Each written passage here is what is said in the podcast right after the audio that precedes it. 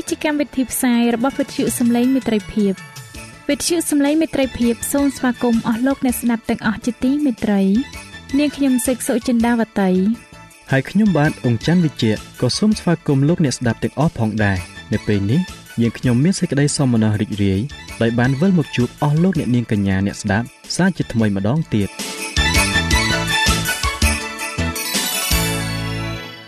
នាងខ្ញុំសេកសុចិន្តាវតី សូមជម្រាបជូនកម្មវិធីផ្សាយដែលមានជាបន្តបន្ទាប់ដូចតទៅនេតិជប់ជាមួយព្រះបន្ទូល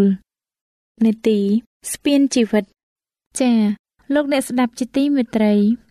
នាងខ្ញុំសូមគោរពអញ្ជើញអស់លោកលោកស្រី អ្នកនាងកញ្ញាតាមដានស្ដាប់កម្មវិធីផ្សាយរបស់វិទ្យុយើងខ្ញុំដូចតទៅ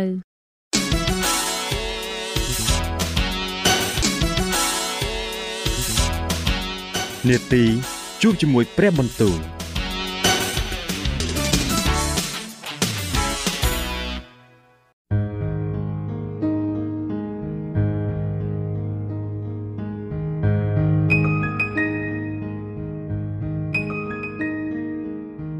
ចា៎អស់លោកអ្នកស្ដាប់ជាទីមេត្រី ជាដំបូងនាងខ្ញុំសូមអញ្ជើញលោកអ្នកនាងស្ដាប់នេតិជួបជាមួយព្រះបន្ទូលនេតិនេះនឹងលើកយកព្រះបន្ទូល ពីព្រះគម្ពីរទំនុកដង្កើងដែលនឹងជម្រាបជូនដល់លោកអង្ចាន់វិជ្ជៈដូចតទៅ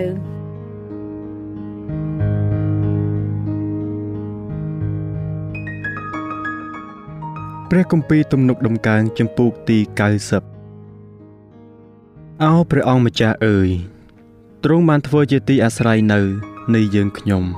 នៅអស់ទាំងដំណរតមក គឺមុនដែលអស់ទាំងភ្នំបានកើតឡើង ក្នុងកាលដែលទ្រង់មិនទាន់បង្កើតផែនដី និងមនុស្សលោកនៅឡើយ ចាប់តាំងពីអស់កលរៀងទៅដល់អស់កលជានិច្ចនោះគឺទ្រង់ហើយជាព្រះទ្រង់ធ្វើឲ្យមនុស្សត្រឡប់ទៅជាធូលីដីវិញ ដោយបន្ទូលថាអស់ទាំងមនុស្សជាតិអើយចូលត្រឡប់វិលទៅវិញចុះត្បិតនៅព្រះនេត្រទ្រង់នោះ1000ឆ្នាំ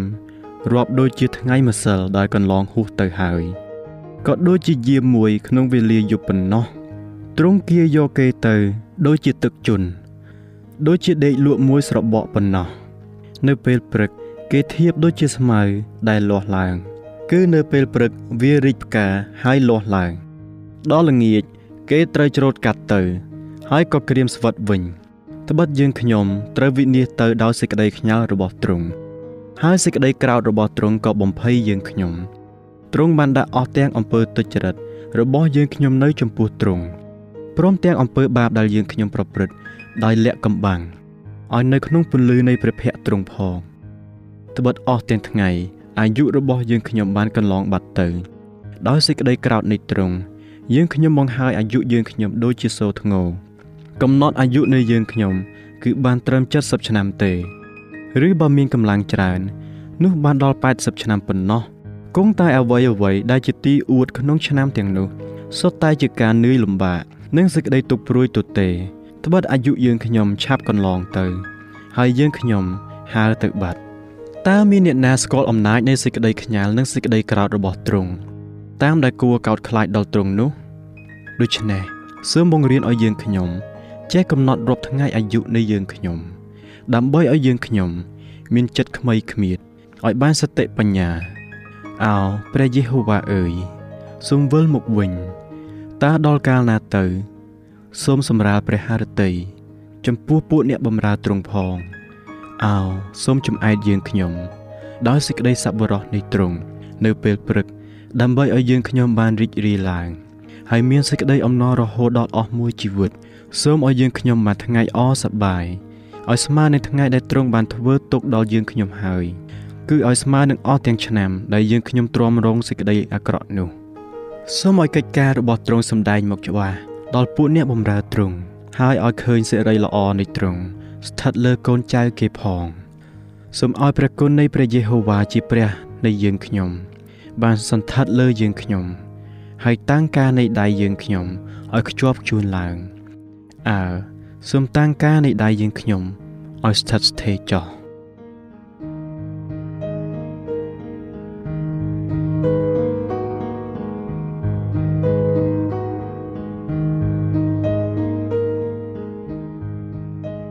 ព្រះគម្ពីរទំនុកដំកើងចំពុកទី91អ្នកណាដែលនៅជាប់ក្នុងទីកំបាំងនៃព្រះដ៏ខ្ពស់បំផុតនោះនឹងបានជ្រកនៅក្រោមម្លប់នៃព្រះដ៏មានគ្រប់ព្រះចេស្តាឯទូបង្គំនឹងពោលពីព្រះយេហូវ៉ាថាទ្រង់ជាទីពឹងពំនាក់ជាបន្ទាយនៃទូបង្គំ គឺជាព្រះនៃទូបង្គំ ហើយទូបង្គំទុកចិត្តនឹងទ្រង់ពិតប្រកបជាទ្រង់នឹងជួយឲ្យឯងរួច ពីលុបរបស់នាយព្រាន ហើយពីសេចក្តីវេទនា ដែលនាំឲ្យអន្តរាយទ្រង់នឹងគ្រងឯងដោយស្លាប់ទ្រង់ហើយឯងនឹងជ្រកនៅក្រោមចំអេងស្លាបរបស់ទ្រង់សេចក្តីពិតរបស់ទ្រង់ជាខែល ហើយជាអាវក្រោះឯងនឹងមិនភ័យខ្លាចអ្វីឡើយទោះទាំងសេចក្តីស្ញែងខ្លាចនៅពេលយប់ឬព្រួញដង្ហើរនៅពេលថ្ងៃឬសេចក្តីវេទនា ដែលតែងមាននៅក្នុងទីងងឹតឬសេចក្តីហិនវិនាដែលបំផ្លាញនៅពេលថ្ងៃត្រង់ផងនឹងមានមនុស្ស1000នាក់ ដួលស្លាប់នៅក្បែរឯងហើយ10000នាក់នៅខាងស្ដាំដៃឯងដែរតែសេចក្តីនោះនឹងមិនមកចិត្តឯងឡើយឯងនឹងបានក្រឡេកឃើញការតបស្នង ដល់ពួកមនុស្សអាក្រក់ដោយភ្នែកតែប៉ុណ្ណោះទេ ពីព្រោះឯងបានថាព្រះយេហូវ៉ាជាទីពឹងជ្រកនៃឯងគឺបានយកព្រះដ៏ខ្ពស់បំផុតជាទីលំនៅរបស់ឯងយ៉ាងនោះនឹងគ្មានសេចក្តីអាក្រក់ណាកើតឡើងដល់ឯងឡើយក៏គ្មានវេទនាណា មកចិត្តទីលំនៅរបស់ឯងដែរត្បិតទ្រង់នឹងបង្គាប់ដល់ពួកទេវតារបស់ទ្រង់ពីដំណើរឯងឲ្យបានថែរក្សាឯងក្នុងគ្រប់ទាំងផ្លូវរបស់ឯងទេវតាទាំងនោះនឹងទ្រឯងដោយដៃក្រែងជើងឯងទង្គិចនឹងថ្មឯងនឹងជន់លើទាំងសត្វសឹងនិងពស់ហនុមានផងឯសឹងស្ទៀវនិងនាគនោះឯងនឹងអាចជន់ឈ្លីដោយជើងបានដោយព្រោះវាបានយកអញជាទីស្រឡាញ់ នោះអញនឹងជួយឲ្យរួចអញនឹងតាំងឡើងយ៉ាងខ្ពស់ពីព្រោះវា បានស្គាល់ឈ្មោះអញវានឹងអំពាវនាវដល់អញហើយអញនឹងឆ្លើយតបអញនឹងនៅជាមួយនឹងវា ក្នុងគ្រាទុក្ខលំបាកក៏នឹងដោះឲ្យរួចចេញ ហើយនឹងលើកមុខឲ្យអញនឹងឲ្យវាស្កប់ចិត្តដោយអាយុយឺនវែងហើយនឹងបង្ហាញឲ្យឃើញសេចក្តីសង្គ្រោះរបស់អញ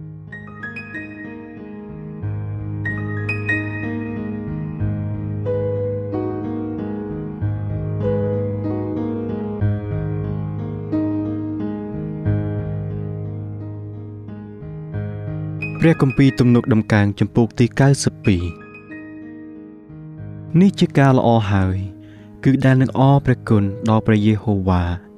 ហើយច្រៀងសរសើរដល់ព្រះនាមនៃទ្រង់ជាព្រះដ៏ខ្ពស់បំផុតព្រមទាំងសម្ដែងពីសេចក្តីសប្បុរសនៃទ្រង់នៅពេលព្រឹក ហើយពីសេចក្តីស្មោះត្រង់របស់ទ្រង់រាល់តែយប់ដោយប្រដាប់ភ្លេងមានខ្សែ10និងពិនហើយដោយសូរចាប់សងយ៉ាងរងំត្បិត អោព្រះយេហូវ៉ាអើយទ្រង់បានឲ្យទូលបង្គំមានសេចក្តីអំណរដោយកិច្ចការរបស់ទ្រង់ទូលបង្គំនឹងបន្លឺឡើង ដោយអំណរចំពោះការនៃព្រះហស្ថទ្រង់អោព្រះយេហូវ៉ាអើយអស់ទាំងកិច្ចការរបស់ទ្រង់ធំណាស់ណឯអស់ទាំងព្រះតម្រេះទ្រង់ក៏ជ្រៅណាស់ផង មនុស្សកំរោលមិនដឹងទេ ហើយមនុស្សឥតបើគិតក៏មិនយល់សេចក្តីនេះដែរវេលាណាដែលមនុស្សអាក្រក់ ដោះដាលឡើងដូចជាស្មៅហើយអស់អ្នកដែលប្រព្រឹត្តអំពើទុច្ចរិតលូតលាស់ឡើង នោះគឺសម្រាប់តែឲ្យគេត្រូវវិនិច្ឆ័យទៅអស់កលជានិច្ចប៉ុណ្ណោះប៉ុន្តែឯទ្រង់អោព្រះយេហូវ៉ាអើយទ្រង់ជាព្រះដ៏ខ្ពស់បំផុតដល់រាបដល់អស់កលរៀងទៅត្បិតអោព្រះយេហូវ៉ាអើយសូមទូតមើលពួកខ្មាំងសត្រូវទ្រង់មើលពួកខ្មាំងសត្រូវទ្រង់គេត្រូវវិនិច្ឆ័យហើយ អស់ពួកអ្នកដែលប្រព្រឹត្តអំពើទុច្ចរិតគេនឹងត្រូវខ្ចាត់ខ្ចាយទៅ តែទ្រង់បាននំកើងស្នែងរបស់ទូបង្គំឡើង ដូចជាស្នែងនៃគោព្រៃទូបង្គំមានប្រេងថ្មីចាក់លាបលើខ្លួនហើយភ្នែកទូបង្គំ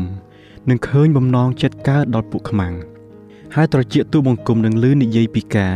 ដែលកើតដល់ពួកមនុស្សអាក្រក់ជាពួកអ្នកដែលលើគ្នាឡើងទាស់នឹងទូបង្គំឯមនុស្សសុចរិតគេនឹងលូតលាស់ឡើង ដូចជាដើមលម៉ើ ក៏នឹងធំឡើង ដូចជាដើមតាត្រៅនៅលើភ្នំលបាណូនដែរគេត្រូវដាំនៅក្នុងដំណាក់ដីព្រះយេហូវ៉ាគេដោះដាលឡើង នៅក្នុងទីលានរបស់ព្រះនៃយើងខ្ញុំ កាលណាចាស់ហើយនោះគេនឹងនៅតែកើតផល គេនឹងមានជ័រជាបរិបូរហើយនៅតែខៀវស្រស់ដើម្បីនឹងសម្ដែងឲ្យឃើញថាព្រះយេហូវ៉ាទ្រង់ទៀងត្រង់ទ្រង់ជាថ្មដានៃខ្ញុំ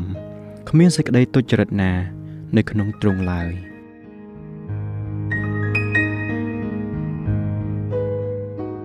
ចា៎ប្រិយមិត្តអ្នកស្ដាប់ជាទីមេត្រី ដោយពេលវេលាមានកំណត់ យើងខ្ញុំសូមផ្អាកនាទីជប់ជាមួយព្រឹបបន្ទូលនេះត្រឹមតែប៉ុណ្ណេះសិនចុះដោយសន្យាថានឹងលើកយកនីតិនេះមកជម្រាបជូនជាបន្តទៀតនៅថ្ងៃច័ន្ទសប្តាហ៍ក្រោយ សូមអរគុណ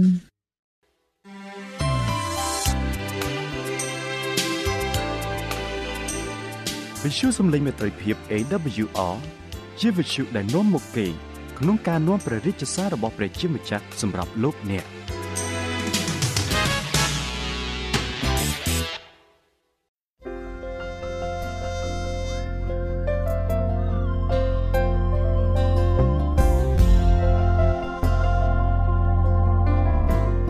ចា៎ជាបន្តទៅទៀតនាងខ្ញុំសូមគោរពអញ្ជើញអស់លោកអ្នកនាង តាមដានស្ដាប់នាទីស្ពានជីវិត ដែលនឹងជម្រាបជូនដល់លោកអង្គច័ន្ទវិជ្ជៈដូចតទៅ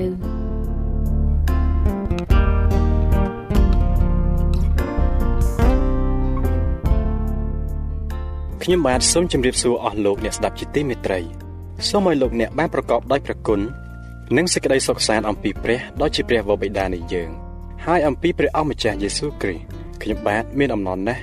ដែលបានវិលមកជួបលោកអ្នកសាជាថ្មីម្ដងទៀតនៅក្នុងនីតិស្ពានជីវិតនេះ បាទហើយនៅថ្ងៃនេះខ្ញុំបាទសូមលើកយកមេរៀនទី18ដែលនិយាយពីសេចក្តីស្រឡាញ់ដែលស្ថិតនៅក្នុងក្រឹតវិន័យ10ប្រការរបស់ព្រះបាទតើក្រឹតវិន័យ10ប្រការរបស់ព្រះបានស្ដែងចេញឲ្យឃើញពីសេចក្តីស្រឡាញ់របស់ព្រះដោយរបៀបណាតើក្រឹតវិន័យ10ប្រការរបស់ព្រះនេះ មានអ្វីខ្លះដូច្នេះខ្ញុំបាទសូមគោរពអញ្ជើញលោកអ្នក តាមដានស្ដាប់មេរៀនទី18នេះជាមួយនឹងខ្ញុំបាទដូចតទៅរដ្ឋធម្មនុញ្ញគឺជាច្បាប់កម្ពុជារបស់ប្រទេសនីមួយៗសូមបងប្អូនសញ្ជឹងគិតមើលប្រសិនបើប្រទេសមួយគ្មានច្បាប់នោះពិតជាមានការច្របូកច្របល់គ្មានអ្នកណាស្ដាប់អ្នកណាឡើយគេនឹងកាប់សម្លាប់គ្នាលួចប្លន់គ្នាឬយកប្រពន្ធកូនអ្នកដតីតាមអំពើចិត្តបើគ្មានប៉ូលីសឬអ្នកគ្រប់គ្រងចរាចរណ៍តាមផ្លូវនឹងមានការច្របូកច្របល់ដោយគេអាចបើកបរខាងណាក៏បាន គ្រូមិនយកចិត្តទុកដាក់ក្នុងការបង្រៀនសិស្សមិនស្ដាប់គ្រូនិងមិនយកចិត្តទុកដាក់រៀនសូត្រឡើយដីធ្លីទាំងឡាយនឹងគ្មានព្រំខណ្ឌអ្នកណាធ្វើកន្លែងណាក៏ធ្វើទៅធ្វើឲ្យមនុស្សមានការពិបាករស់នៅជាពិតប្រាកដណាស់ដូច្នេះហើយទើបប្រទេសនីមួយនីមួយបង្កើតច្បាប់សម្រាប់អនុវត្តរៀងរៀងខ្លួនរហូតដល់គ្រួសារនីមួយនីមួយក៏មានច្បាប់របស់គេដែរហើយប្រទេសនីមួយនីមួយ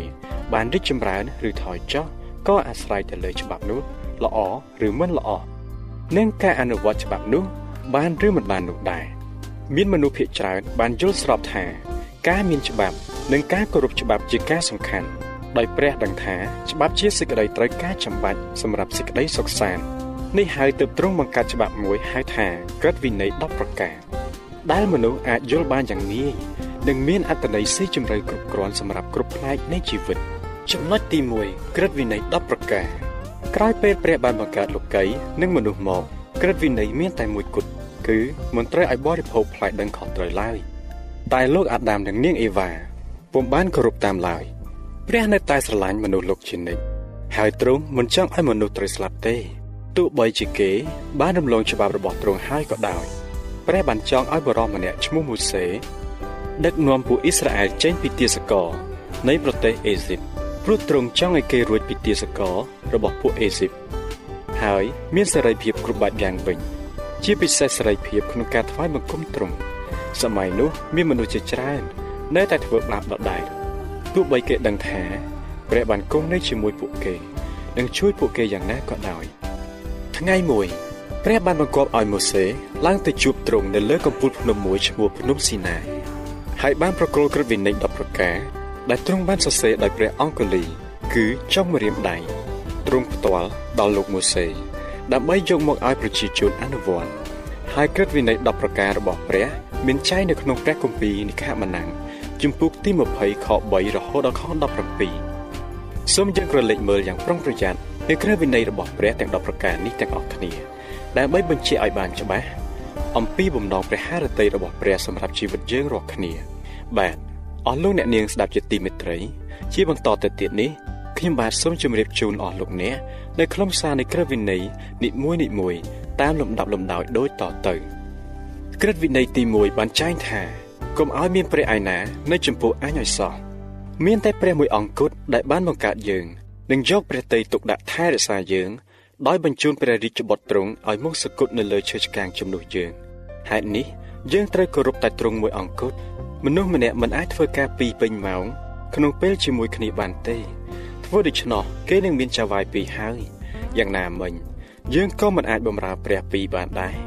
ព្រះអង្គម្ចាស់របស់យើង ចង់ឲ្យយើងគោរពទ្រង់ទាំងស្រុងទាំងពេលវេលាកម្លាំងកាយកម្លាំងចិត្តនិងសេចក្តីស្រឡាញ់នៅពេលដែលយើងគោរពការបង្រៀនរបស់ព្រះនោះយើងក៏មិនត្រូវការនឹងព្រះណាដតីទៀតដែរហើយបើយើងមានអ្វីអ្វីគ្រប់យ៉ាង ដោយសារព្រះអង្គម្ចាស់ទៅហើយនោះយើងត្រូវទុកទ្រង់ជាធំបំផុតដែរក្រឹតវិន័យទី2បានចែងថាកុំឲ្យឆ្លាក់ធ្វើរូបណាសម្រាប់ឯងឲ្យសោះក៏កុំឲ្យធ្វើរូបណាឲ្យដូចជាអ្វីនៅស្ថានសួគ៌ខាងលើឬនៅផែនដីខាងក្រោមឬនៅក្នុងទឹកដែលទាបជាងដីផងក៏កុំឲ្យក្រាបសំពះនៅចំពោះរបស់ទាំងនោះឬគោរពប្រតិបត្តិតាមនោះឡើយត្បិតអញដែលជាយេហូវ៉ាជាព្រះនេះឯង អញមានសេចក្តីប្រច័ណ្ឌក៏ទម្លាក់ការទុច្ចរិតរបស់ឪពុកទៅលើកូនចៅរហូតដល់3ហើយ4ដំណរផងចំពោះអស់អ្នកណាដែលស្អប់អញ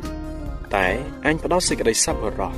ដល់ទាំងពួនដំណរនៃពួកអ្នកដែលស្រឡាញ់ហើយកាន់តាមបញ្ញត្តិរបស់អញទាំងប៉ុន្មានវិញយើងត្រូវតែចងចាំជានិច្ចនៅភាពដ៏ឧត្តមឧត្តមរបស់ព្រះហើយយើងមិនត្រូវគោរពឬកោតខ្លាចនៅអ្វីដែលយើងបង្កើតនោះទេ តែត្រូវបន្ទាបខ្លួនយ៉ាងទៀបទទួលស្គាល់ថាយើងជាមនុស្សយ៉ាងទន់ទាបដែលត្រូវតែទីពឹងទៅលើព្រះគ្រប់បែបយ៉ាងយើងមិនត្រូវថ្វាយបង្គំទ្រព្យសម្បត្តិការងារសមត្ថភាពសម្រស់ឬប្រាជ្ញារបស់ខ្លួនផងដែរ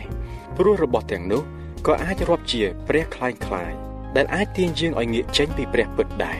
ក្រឹតវិន័យទី3បានចែងថាកុំឲ្យចេញព្រះនាមព្រះយេហូវ៉ាជាព្រះនេះឯងជាអាសាអត់ការឡើយ ត្បិតព្រះយេហូវ៉ាទ្រង់មិនរាប់ជាឥតទោសដល់អ្នកណាដែលចេញព្រះនាមទ្រង់ជាអាសាអត់ការនោះទេប្រសិនបើយើងទទួលយកឈ្មោះថាជាគ្រីស្ទៀនយើងត្រូវតែរស់នៅឲ្យបានត្រឹមត្រូវតាមព្រះគម្ពីរព្រោះអ្នកដតីគេថ្កោលទោសព្រះទៅតាមការប្រព្រឹត្តរបស់យើងហើយបើយើងឈប់ធ្វើតាមច្បាប់របស់គ្រីស្ទសាសនាគួរក៏បីសំដកឈ្មោះយើងចេញពីបញ្ជានៃព្រះវិហារដោយគួរសមនិងឈប់អះអាងថា យើងជាគ្រីស្ទៀនតទៅទៀតផង ជាពិសេសមិនត្រូវយកព្រះនាមរបស់ព្រះទៅប្រើដើម្បីបម្រើគោលបំណងឬផលប្រយោជន៍ផ្ទាល់ខ្លួនឡើយគឺយើងត្រូវតែរស់នៅដើម្បីនឹងលើកដំកើងទ្រង់ឡើងឲ្យអ្នកដតីបានស្គាល់និងកោតសរសើរទ្រង់សូម្បីតែថ្វាយបង្គំព្រះឬច្រៀងសរសើរព្រះក៏ត្រូវលើកដំកើងព្រះនាមទ្រង់ដែរជាពិសេស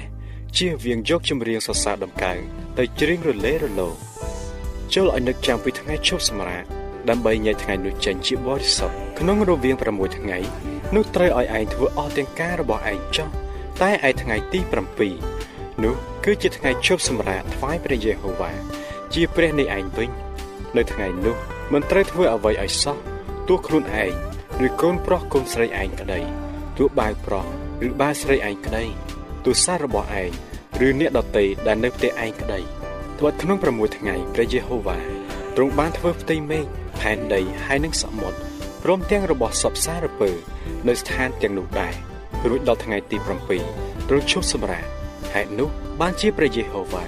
ទ្រង់បានប្រទានពរដល់ថ្ងៃឈប់សម្រាកហើយក៏ញែកចេញជាបរិសុទ្ធថ្ងៃបរិសុទ្ធ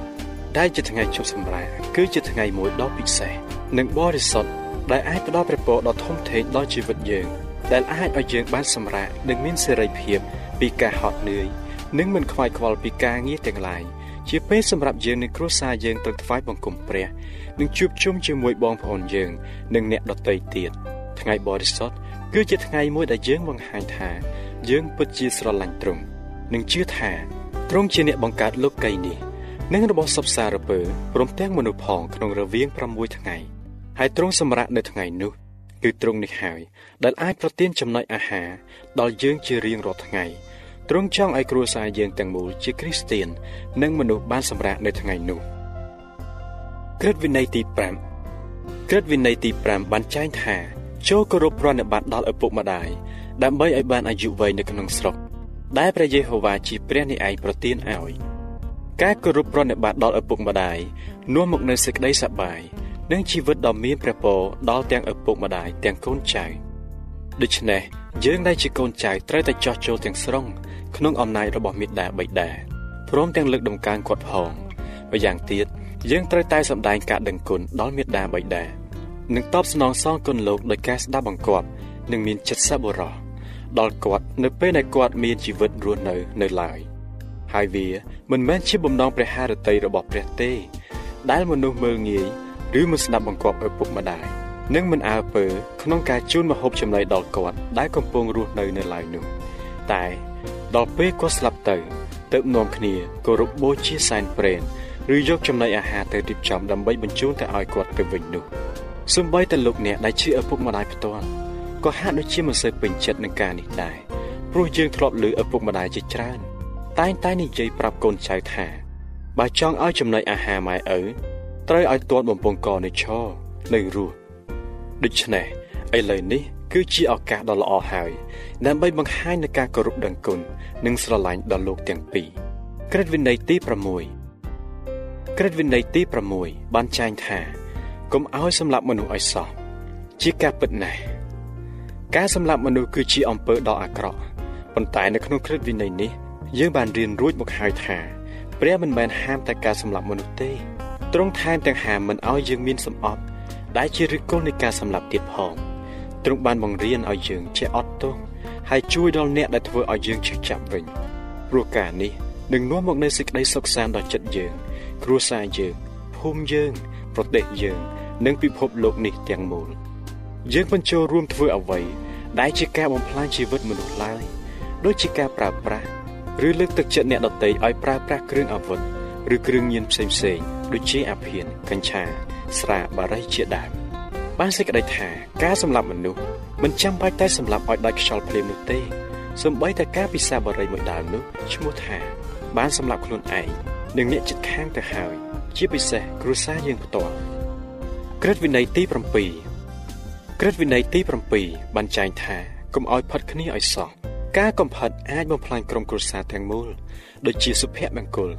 ឬក៏អាចនាំមកនូវជំងឺអេដ ដែលបណ្ដាលឲ្យស្លាប់ទាំងប្តីទាំងប្រពន្ធនិងកូនផងដែរហើយនេះហើយទើបព្រះបង្ហាញឲ្យយើងស្មោះត្រង់ចំពោះគ្រួសារយើងឲ្យបាន100%ចុះបងប្អូនជាយុវវ័យវិញតើជាការគួរឬទេប្រសិនបើអ្នកបំផ្លាញភាពបរិសុទ្ធរបស់អ្នកមុនពេលរៀបអាពាហ៍ពិពាហ៍នោះ ទេព្រះបានហាមថាកុំឲ្យផិតគ្នាឲ្យសោះហើយមធ្យោបាយដែលអាចជួយឲ្យអ្នកថែរក្សាភាពបរិសុទ្ធបានសម្រាប់អនាគតប្តីឬប្រពន្ធរបស់អ្នករហូតដល់ថ្ងៃរៀបការនោះ គឺជាវៀងការមើលកុនវីដេអូនិងសិភៅអាអាភិដែលធ្វើឲ្យចិត្តអ្នកនឹកដល់សេចក្តីស្នេហាឬសេចក្តីពងប្រាថ្នាខាងផ្លូវកាមគុណចំណែកឯការស្ដាប់ចម្រៀងស្នេហាក៏អាចធ្វើឲ្យភាពបរិសុទ្ធនៃយុវវ័យរបស់អ្នកមានអាយុខ្លីដែរដូច្នេះការកំផិតមិនមែនចាំបាច់តែបរោះក្បត់ប្រពន្ធហើយទៅមានស្រីផ្សេងឬស្ត្រីក្បត់ប្តីទៅយកមួយទៀតនោះទេគ្រាន់តែយុវជនយុវនារីមើលទូរទស្សន៍រឿងសិបស្រាលក៏ឈ្មោះថា បានប្រព្រឹត្តកំផិតទៅហើយព្រោះការនោះនឹងនាំឲ្យអ្នកមិនអាចរក្សាភាពបរិសុទ្ធសម្រាប់អនាគតគូស្រកររបស់អ្នកបានទេក្រឹតវិន័យនិងសេចក្តីស្រឡាញ់ពិតប្រាកដធ្វើឲ្យមានព្រះពរនិងសេចក្តីសុខសាន្តនៅក្នុងគ្រួសាររបស់ខ្លួនក្រឹតវិន័យទី8បានចែងថាកុំឲ្យលួចប្លន់ឲ្យសោះការលួចប្លន់គឺជាអំពើបាបមួយដ៏មានគ្រោះថ្នាក់ដែលនាំឲ្យមានការឈឺចាប់ទាំងចោលទាំងម្ចាស់ទ្រព្យហើយវាក៏ជាបញ្ហាមួយ ដែលធ្វើឲ្យទីកន្លែងដែលមានការលួចប្លន់នោះមានការច្របូកច្របល់ដែរលោកអ្នកប្រហែលជាមិនធ្លាប់ប្លន់អ្នកណាឡើយប៉ុន្តែតើលោកអ្នកធ្លាប់យកអ្វីពីកន្លែងធ្វើការ ឬពីផ្ទះបងប្អូន មិត្តភ័ក្តិលោកអ្នកដោយមិនបានប្រាក់ម្ចាស់គេឬទេតើបងប្អូន ធ្លាប់លួចបើកសិភៅមើល នៅពេលប្រឡងដែរឬទេបើធ្លាប់តើលោកអ្នកគិតថានេះជាការកំពេចកំពកមែនឬទេ នេះមិនមែនជាគំនិតរបស់ព្រះទេព្រោះទ្រង់ បានត្រាស់ហៅឲ្យយើងគោរពដល់ម្ចាស់របស់ទាំងឡាយសូម្បីតែរបស់ដែលលោកអ្នកបានទិញឲ្យកូនហើយក៏ត្រូវតែគោរពដល់ម្ចាស់កម្មសិទ្ធិដែរយើងត្រូវដឹងផងដែរថាព្រះចង់ឲ្យយើងជាមនុស្សមិនអាត្មានិយមនិងមានចិត្តសប្បុរសដល់អ្នកដទៃដោយឲ្យទៅគេនៅអ្វីដែលអ្នកមានបើយើងជាអ្នកលក់ដូរត្រូវលក់តាមតម្លៃសមរម្យហើយបើបងប្អូនយើងជាអ្នកទិញក៏ត្រូវឲ្យតថ្លៃឲ្យសមរម្យ ជៀសវាងការបង្អាប់គេហួសហេតុឬនៅតម្លៃស្វិតដដែលដដែលបាទអស់លោកអ្នកស្ដាប់ជាទីមេត្រីពេលវេលានៃនីតិស្ពានជីវិតរបស់យើង បានមកដល់ទីបញ្ចប់ហើយខ្ញុំបាទនឹងវិលមកជួបលោកអ្នកសាជាថ្មីម្ដងទៀតនៅក្នុងនីតិរបស់យើងលើកក្រោយដោយនឹងនាំយកនៅភាគទី2នៃមេរៀនដដែលនេះមកជួបលោកអ្នកសម្ដាប់ជាបន្តទៀត ដូច្នេះសូមឲ្យព្រះជាម្ចាស់ប្រទានពរដល់អស់លោកអ្នកបងប្អូនទាំងអស់គ្នាសម្រាប់ពេលនេះខ្ញុំបាទអង្គច័ន្ទវិជ្ជៈសូមអរគុណនិងសូមជម្រាបលា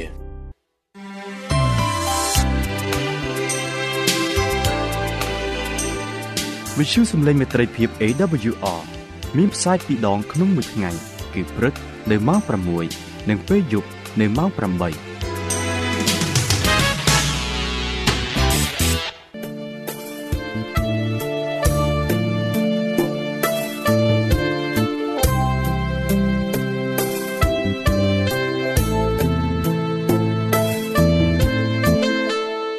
សិនជាលោកអ្នកមានសំណួរឬសំណុំពរអ្វីសូមតាក់ទងមកការិយាល័យវិទ្យុយើងខ្ញុំ តាមអាស័យដ្ឋានផ្ទះលេខ15ផ្លូវលេខ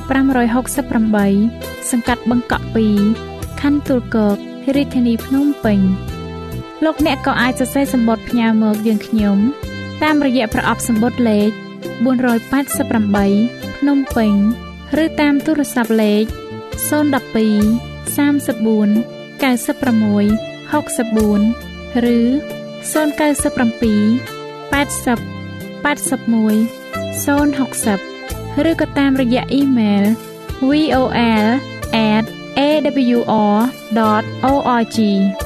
យើងខ្ញុំរងចាំទទួលស្វាគមន៍អស់លោកអ្នកនាងដោយក្តីសោមនស្សរីករាយ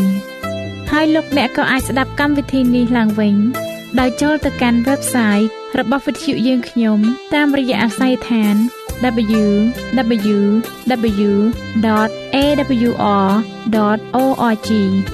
លោកអ្នកនាងកញ្ញាជាទីមេត្រី កម្មវិធីផ្សាយរបស់វិទ្យុសំឡេងមេត្រីភាពនៅពេលនេះសូមបញ្ចប់តែប៉ុណ្ណេះ